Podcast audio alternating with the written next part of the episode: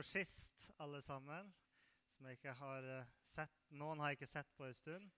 Andre så jeg her i går, og vi hadde en dugnadsdag her der hele gjengen var med. Så det var kjempeartig å, å kunne oppleve fellesskapet der man bare er sammen. Man trenger ikke nødvendigvis å ha en gudstjeneste, men man kan være sammen som et kristent fellesskap der man bygger menighet, bokstavelig talt. Vi har bl.a. mala veggen her, som dere ser, som vi er veldig fornøyd med. Så innvielse i dag av den nye, den nye malinga. Jeg håper dere har hatt en fin sommer, at dere har fått slappe av litt grann, eh, eh, siden, eh, siden, våren. Eh, og eh, det har jo i hvert fall vært eh, relativt varmt. Jeg vet ikke om dere merka at det var litt varmt her en periode? Fra ca. mai til august. Uutholdelig varmt. Eh, jeg skjønner jo da at eh, også Jeg har jo klaga over varmen i hele, hele sommer. Klart, jeg kommer fra Nordland, så det er ikke så rart. Og jeg skjønner jo at folk nede i Syden og, og i sørlige strøk, sånn som der Elin eh, holder til, så der er det liksom så varmt nesten hele tida. Så vi har ingenting å klage over. Men det er noe det vi er vant med, i hvert fall. Så for oss er det ganske varmt. Um, vi har jo hatt et lite opphold i, i gudstjenestene her på tabernaklet, så i dag er jo oppstarten liksom for, for, høsten, så det er bare kjempegøy å være tilbake. Eh, og jeg tror vi skal komme med store forventninger til eh, hva Gud har for oss i høst. Og vi har jo noen spesielle arrangement, sånn som at barnehagen fyller 40 år. Eh, og, og, vi skal ha ledersamling her på tabernaklet, så, så, det blir spennende. Eh, I dag så tenkte jeg skulle snakke om en hendelse som står om i Josva. For dere som har Bibel, så kan dere slå opp der. Eh, der har vi jo eh, Jeg skal ta litt som bakgrunn eh, for den historien vi skal inn på. Hei, hei, velkommen hit. Skal du òg holde preken? Nei. Men ehm, vi, eh, vi, skal til en historie som handler om israelittene etter de hadde rømt fra fangenskapet i Egypt. De hadde jo vært slaver i Egypt i hundrevis av år. Eh, inntil det kom en mann som heter Moses, som var kalt av Gud til å liksom sette det israelske folket fri fra fangenskapet de levde eh, i under farao. De jo, eh, kom jo dit fredelig, men ble jo siden slaver eh, under farao. Eh, og eh, Gud ba jo da Moses om å lede her folket ut fra Egypt. Eh, og det gjorde han jo til slutt. Ved Guds hjelp så kom de seg derifra. Eh, og han leda da israelittene ut av Egypt. Og Gud hadde lova dem at når de kom ut fra Egypt, så skulle de få et eh, land som var rikt på alt de trengte, som hadde overflod av ressurser, eh, overflod av plass der de kunne bolte seg på. Og det landet som Gud hadde lovt de, heter på den tida Kanan. Det er jo det området som eh, vi i dag kjenner som Israel i, i Midtøsten. Og det bodde jo allerede folk i det landet som israelittene skulle reise til. Eh, men Gud lova at eh, allikevel så skulle han gi dem dette landet. Det var et løfte han hadde gitt dem. Her skulle de få lov til å bo. Eh, og, og, han skulle hjelpe dem å overvinne de her folkene som bodde der, fordi det landet skulle tilhøre israelittene. men likevel, til tross for at Gud hadde leda de ut fra Egypt, hjelpa de å rømme fra farao, eh, til og med skilt Rødehavet fra hverandre, sånn at de kunne gå gjennom havet eh, med tørre føtter, så var det likevel noen som tvila på at de kunne greie å overvinne de her mektige, eh, de her mektige folkene som bodde i Kanan. Eh, og derfor, pga. at det var noen som tvilte på at dette gikk, så kom de aldri så langt eh, i Moses' i levetid at de, at de kom inn i Kanan. De måtte snu og da ble de i Sinai-ørkenen i 40 år før de kom tilbake til Kanan.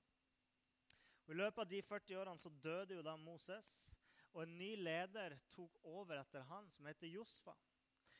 Og under Josvas ledelse så skulle en ny generasjon med israelitter Tenk, det har gått 40 år. Det er en hel generasjon.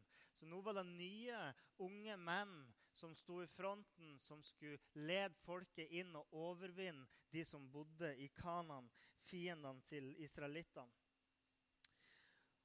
Så det er litt sånn kort intro til det jeg skal snakke om i dag. Den historien jeg skal ta for meg her i dag, i Josva kapittel 4, eh, jeg er ganske sikker på at dere ikke har hørt en preken om det her før. Jeg vet ikke det.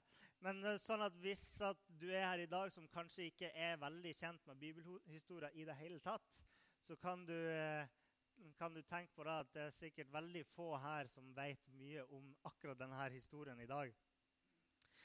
Så israelittene har rømt fra Egypt. De har bodd i ørken som et nomadisk folk i 40 år. Og nå så står de ledet av Josva på grensen til Kanan, på, på eh, feil side av elva, håper jeg å si. Eh, de står ved bredden av elven Jordan, og det er kun den elva som skiller de fra å komme inn i Kanan. Eh, sånn at det er jo et kjempestort øyeblikk for. Eh, det er et øyeblikk av bibelske proporsjoner, for å si det på den måten. De har venta på dette øyeblikket. Nå, nå, står de her og ser det landet som Gud har lova dem. Det har de venta på i 40 år. Hørt folk fortelle eh, historier om liksom eh, Gud har lovt oss at vi skal få flytte Kanan en dag. De menn og Josva som står her nå, de har hørt historier om de her løftene som Gud har gitt. Og de har vokst opp i en forventning om at vi skal en dag komme til et land med overflod som Gud skal gi oss. Og problemet nå er denne elva som skal forseres. Jordan. På den tida av året da israelittene kom hit, eh, så er det vanligvis flom i Jordan. Og den kan bli opptil 1,5 km brei eh, og ha sterk strøm. Vi eh, som bor her i Øyer, vet jo hva det vil si med flom.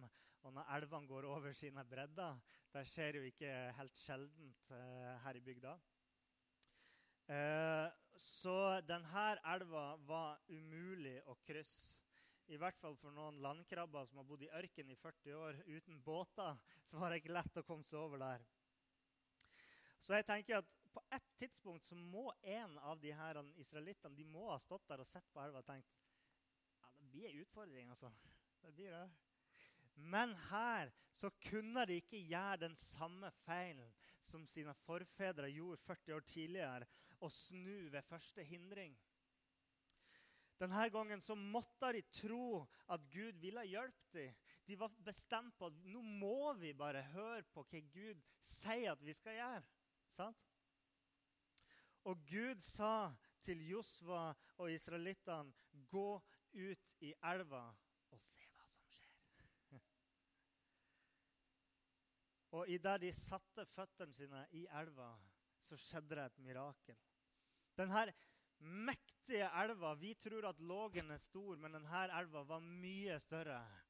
Og denne elva bare stoppa å renne, og det ble helt tørt så israelittene kunne gå over elva tørrskodd. Det var som ei demning, som, ei usynlig demning som holdt igjen alt det her vannet. Det måtte ha vært litt av et syn. Og de fikk da oppleve et tegn på at Gud virkelig var med dem. Eh, og det var jo helt fantastisk. Jeg tror det måtte være helt fantastisk å vært en av de som ser det her underet at Gud er med dem. Eh, så klart, eh, når jeg leste det her, så tenkte jeg på de som da hadde gått i ørkenen i 40 år og, og kjøpt svømmeføtter og, og badebukser og tenkte at i dag skal jeg ut og svømme. Og så På veien ut i vannet så stopper det, og så tenker jeg hva er det her for noe? Og så ser de liksom paktkisler som går der oppe. Og så Nei! De fikk bad neste dag, da. Jeg bare tulla. Så de kom seg over. Og det her ble jo da et vitnesbyrd om at Gud ville holde sine løfter til israelitten. På samme måte som han hadde gjort eh, 40 år tidligere, da de kryssa Rødehavet og leda israelittene ut av Egypt. Så det her var òg virkelig et øyeblikk som var verdt å huske. Og Vi skal lese fra Josva kapittel 4, vers 1-9. Eh, ja. Da hele folket var kommet vel over Jordan, sa Herren til Josva.: Velg dere tolv menn av folket, én fra hver stamme, og si til dem at de skal ta opp tolv steiner fra Jordan, fra det stedet hvor prestene står. De skal bære dem med seg over og legge dem ned der dere slår leir for natten.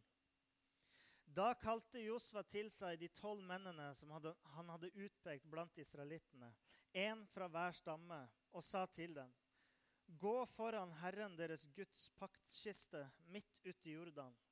Ta så opp en stein hver og legg den over skulderen. Det skal være like mange steiner som Israels stammer. Det skal være et minnesmerke hos dere.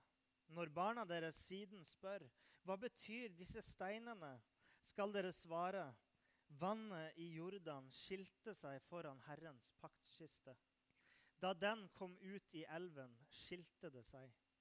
Og disse steinene skal israelittene ha som et evig minne om det. Israelittene gjorde som Josva bød dem. Midt ute i Jordan tok de tolv steiner, like mange som Israels stammer, slik som Herren hadde sagt til Josva. De bar dem med seg til overnattingsstedet og la dem ned der. Og midt ute i Jordan, på det stedet hvor prestene med Herrens paktkiste sto, reiste Josva tolv andre steiner. De står der den dag i dag. Så jeg har lyst til å snakke litt om de her steinene.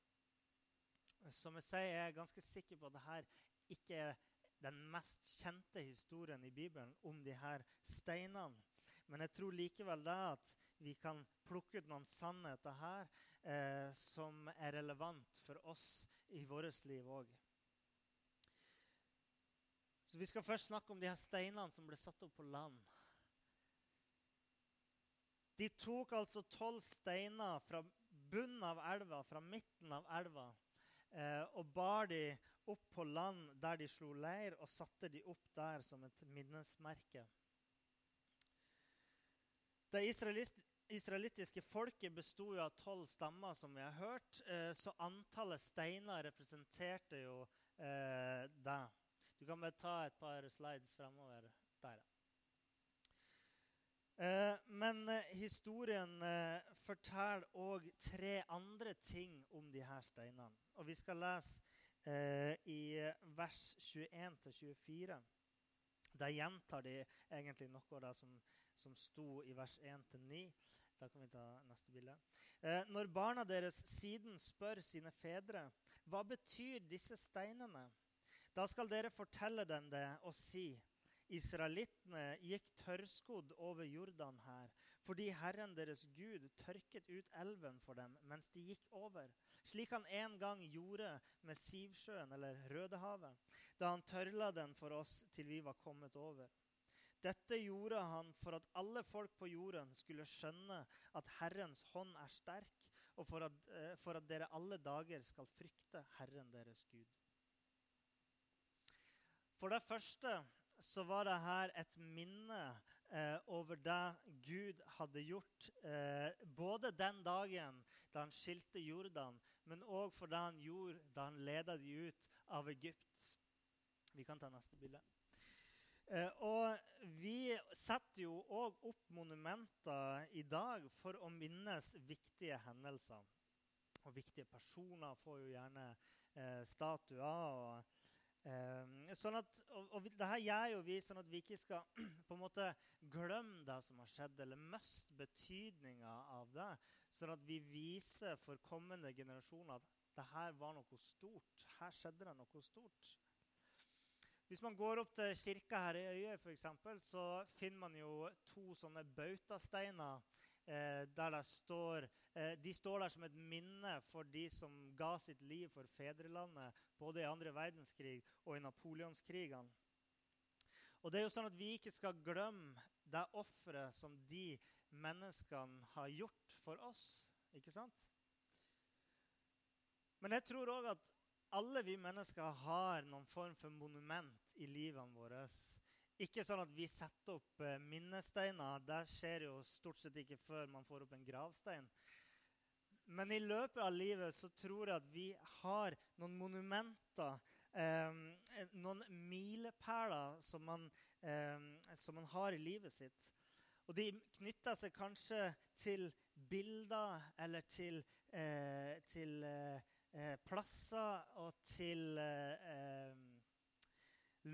lukter og, og mennesker som man har kjent, eller som man kjenner. Og man har sånne minner sant, som dukker opp når man ser dette bildet, eller man kjenner denne lukta. ikke sant? Uh, og så tenkte jeg på hvor ofte setter vi oss egentlig ned og tenker over hvilke sånne monument er det vi har i livet vårt? Hvilke sånne milepæler er det som har vært med å definere den som jeg er? Eh, og vi setter oss ned for å minnes hvilke sånne monument har jeg for Gud i mitt liv. Når jeg ser eh, en dåp eller jeg leser om dåpen, så minnes jeg ofte min egen dåp da jeg som 15-åring ble døpt i et basseng på Sandvik folkehøgskole. Jeg kjenner fortsatt lukta av klor. ikke sant? Og det var et sterkt og spesielt øyeblikk. Jeg synes For meg var det et stort øyeblikk mellom meg og Gud. Og Det er et sånt monument i mitt trosliv. Eh, hver gang jeg tenker på Sør-Afrika og Peru, så tenker jeg da vi reiste ned der og var på en sånn misjonsreise nede i Peru. Eh, og, og, jeg husker hvordan Gud Jeg følte at Gud var med oss og støtta oss mens vi var der. Og det er òg et sånn monument jeg har med, med, i mitt gudsliv. Så vi kan jo lese de her historiene eh, i Bibelen og lese om hvordan Gud var til stede og hjalp de menneskene vi leser om. Og vi kan tenke på de her steinene eh, vi leser om, og hvordan Gud liksom hjalp israelittene å krysse elva Jordan. Men jeg vet òg at Gud han er til stede her og nå. Og han ønsker å møte oss og ta imot oss. Og han ønsker å gjøre ting for oss som vi kan bygge våre egne monument over. Og jeg tenkte sånn, Kanskje skjer det noe eh, i ditt trosliv, i ditt gudsliv her i dag, som du en dag tenker det var et monument i mitt gudsliv. Kanskje det første gangen du virkelig får møte Gud, kan være her i dag. Fordi jeg vet hvor mye mer Eh, det betyr når man opplever en ting sjøl, at man ikke bare leser om at ja, så fint at Gud hjalp israelittene. Men jeg vet hvor mye mer det kan bety når man kan sette opp sitt eget monument i sitt eget liv. Så jeg utfordrer deg til at når du tenker på de her tolv steinene som de satte opp, så bruker du òg litt tid på å reflektere over hvordan Gud har virka i ditt liv. Hvilke minnesmerker har Gud satt opp i ditt liv? Punkt to. Eh, og der står eh, i denne teksten Når barna deres siden spør sine fedre hva betyr disse steinene, da skal dere fortelle dem det. De her tolv steinene ble satt opp sånn at de skulle være synlige for kommende generasjoner. Sånn at de kommende generasjonene skulle se minnesmerket og spørre hva er det her for noen ting? De her steinene kom ikke hit av seg sjøl. Kan du fortelle meg hva det her er? Og på den måten så ble de her steinene et grunnlag for å dele historien om hva Gud har gjort. Gud han ville at dette var noe som skulle huskes, at det skulle være en historie som skulle fortelles, eh, sånn at israelittene ikke glemte det. At Gud han hadde vært med, med dem. Eh, og Vi ser det her i Det nye testamentet òg. I Lukas kapittel 8 så, så, leser vi om en mann som var besatt av onde ånder. Og når Jesus satte ham fri fra de her åndene, så sier Jesus til, til denne mannen i vers 39.: Gå hjem til dine og fortell hva Gud har gjort mot deg. Han gikk av sted og gjorde kjent i hele byen det Gud hadde gjort for ham. det var et monument for dette mennesket. Eh, for oss så er det ikke nødvendigvis noe minnesmerke som står et sted som gjør at mennesker spør hva er det her for noen ting? Hva betyr det her? Men eh, det her er en oppfordring, eller det som står her, er at vi skal fortelle historien om Gud. Han vil at historien om det gode han har gjort mot oss, skal bli gjort kjent. Han vil at vi skal fortelle andre. Hvis du opplever at du har noe monument i ditt liv, så vil Gud at du skal fortelle det til andre. Sant? Og den tredje tingen eh, Det står eh, videre i dette avsnittet her. Dette gjorde han for at alle folk på jorden skal skjønne at Herrens ånd er sterk. Sjøl om eh, Gud på dette tidspunktet i historien og Jeg skjønner at det kan være litt vanskelig å, å liksom forstå denne eh, sammensetninga av figurer og folkegrupper og sånt i Bibelen. Eh, men på denne tida så var det jo sånn at Gud hadde utvalgt ett folk for å være hans folk i verden. Og der var israelittene. Eh, og sjøl om at Gud hadde utvalgt det her ene folket som sitt utvalgte, som han hadde en pakt med. Han hadde en pakt med dem om at han skulle alltid være der for dem og hjelpe dem. Til tross for det så var hans plan alltid at alle mennesker skulle få lov til å bli kjent med han.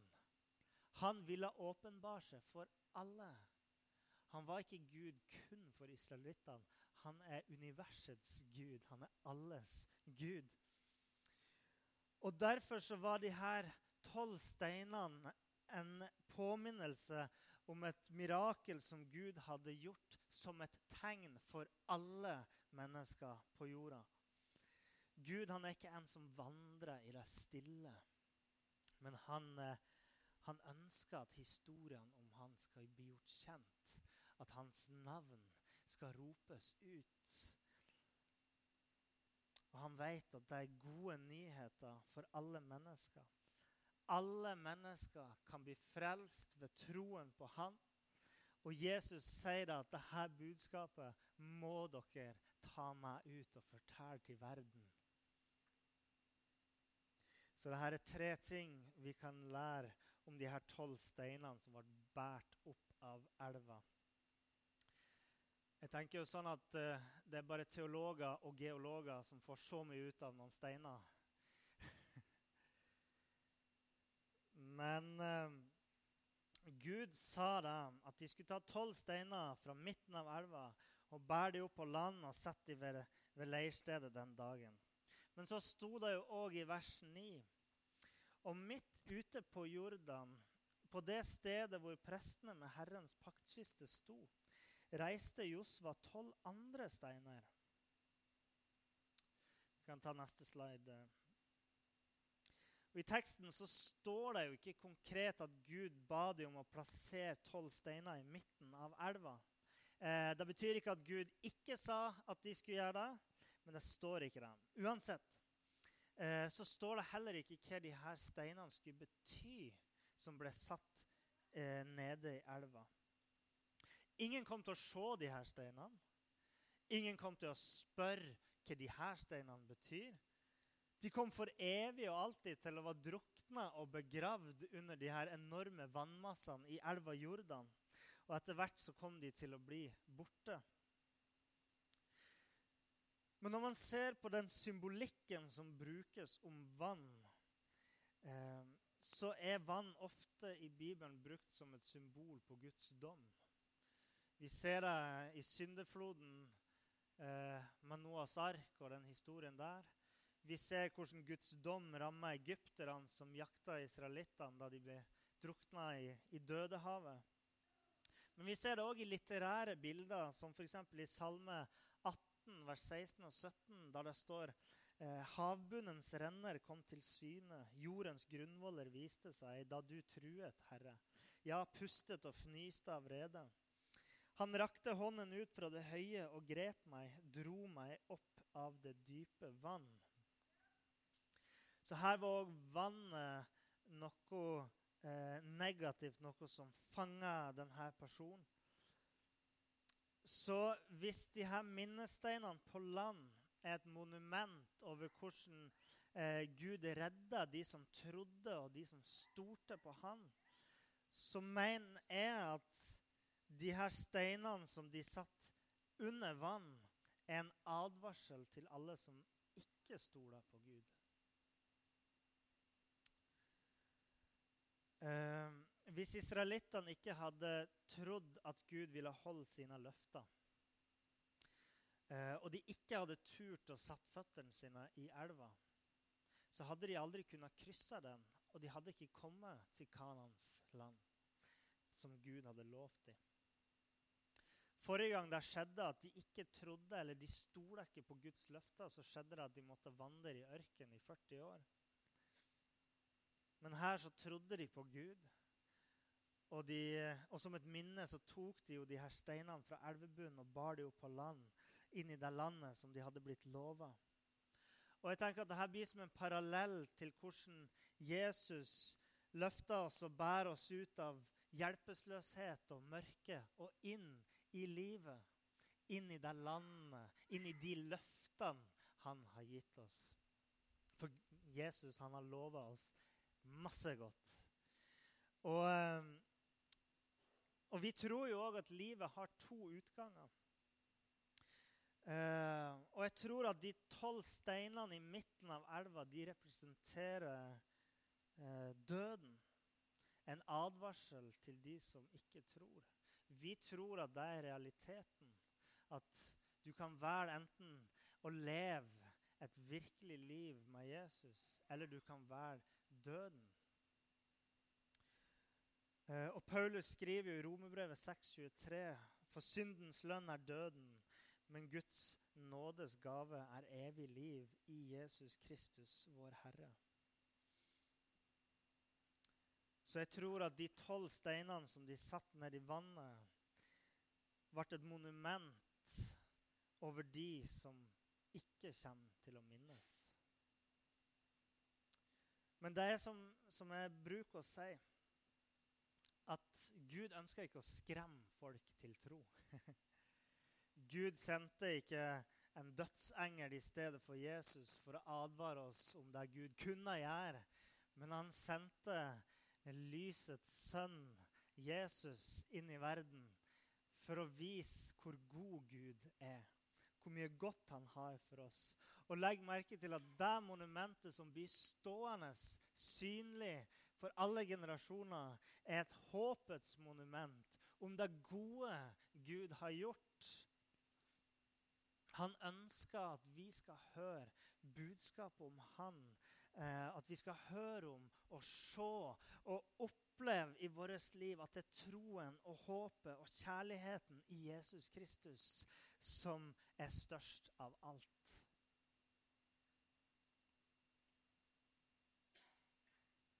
Var det noen som sa amen? Nei? Jeg tenkte det var noen som sa amen. Um, til slutt så var det én ting til jeg hadde lyst til å, å, si, som jeg tror vi kan lære om denne historien. Eller det er ikke noe som står akkurat i denne teksten, men hvis jeg spiller litt videre på dette bildet For jeg fikk, jeg fikk et sånn bilde i hodet mitt liksom, basert på denne symbolikken her. Fordi vannet i Bibelen Vann har en annen symbolikk enn dom og, og død. Men også, eh, man ser òg på vann som noe som gir liv og noe som gir renselse.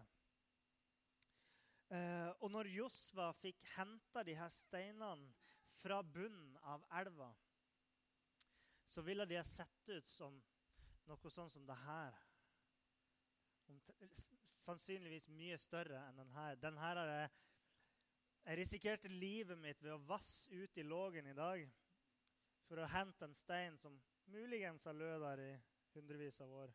Hvem vet? Uh, men steinene på land ville sannsynligvis ha sett litt mer ut som den her. Den her er henta på land, så det var ikke så farlig.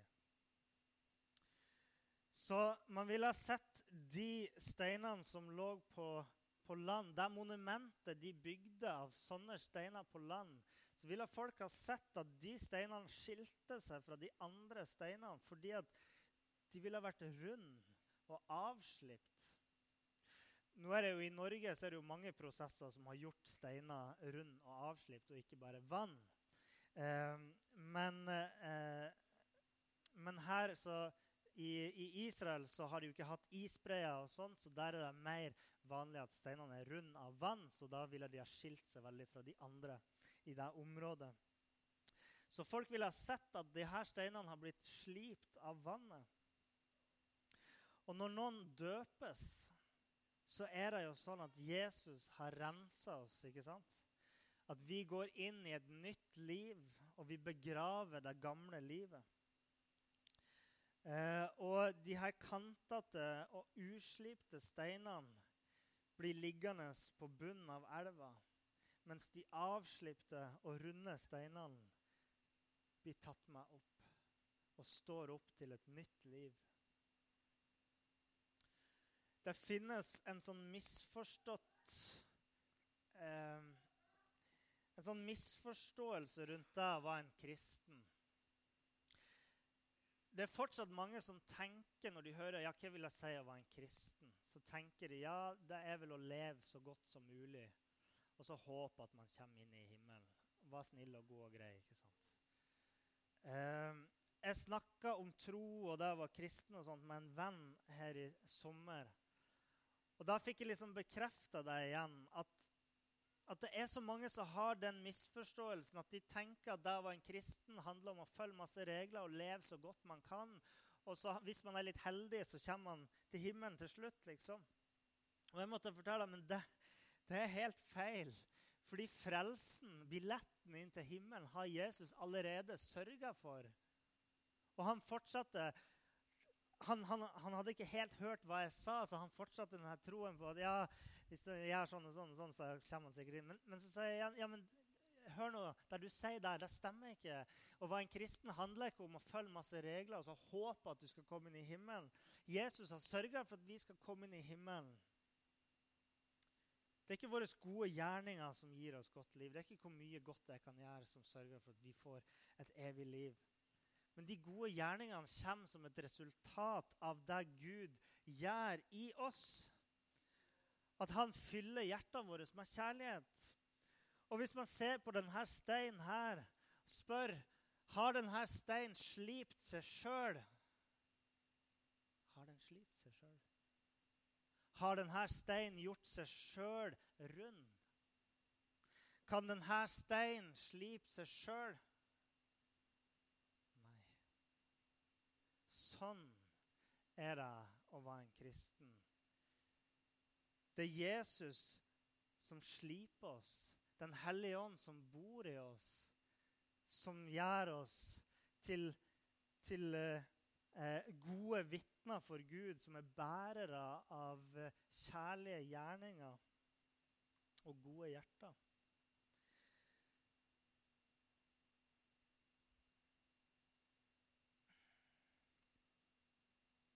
Og jeg tenker I en verden full av eh, kantete steiner så blir vi monument som vitner om hvem Gud er, og hva han kan gjøre med oss.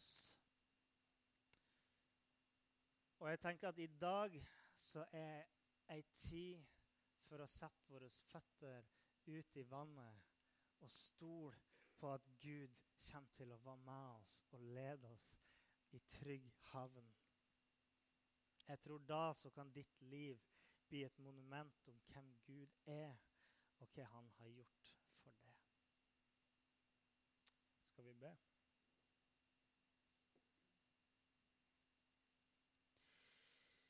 Himmelske Far, vi takker deg for det budskapet du har kommet med i dag. Jeg ber om at du skal la deg sette seg i våre hjerter, at vi kan minnes det når vi går hjem, at vi kan reflektere over det du har gjort for oss i vårt liv, Herre.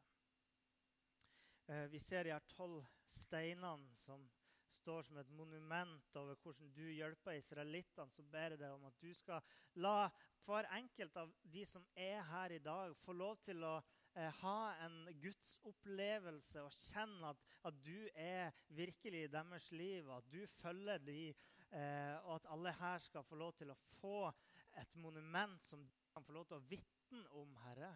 At vi kan få lov til å fortelle, Gud, nei, fortelle andre mennesker om hvem du er, og hva du har gjort eh, i vårt liv. Eh, og vi innleder med Efesene og, og visdommens ånd. Noen ganger er det så vanskelig å se rikdommen i ditt ord og se sannheten i det vi leser.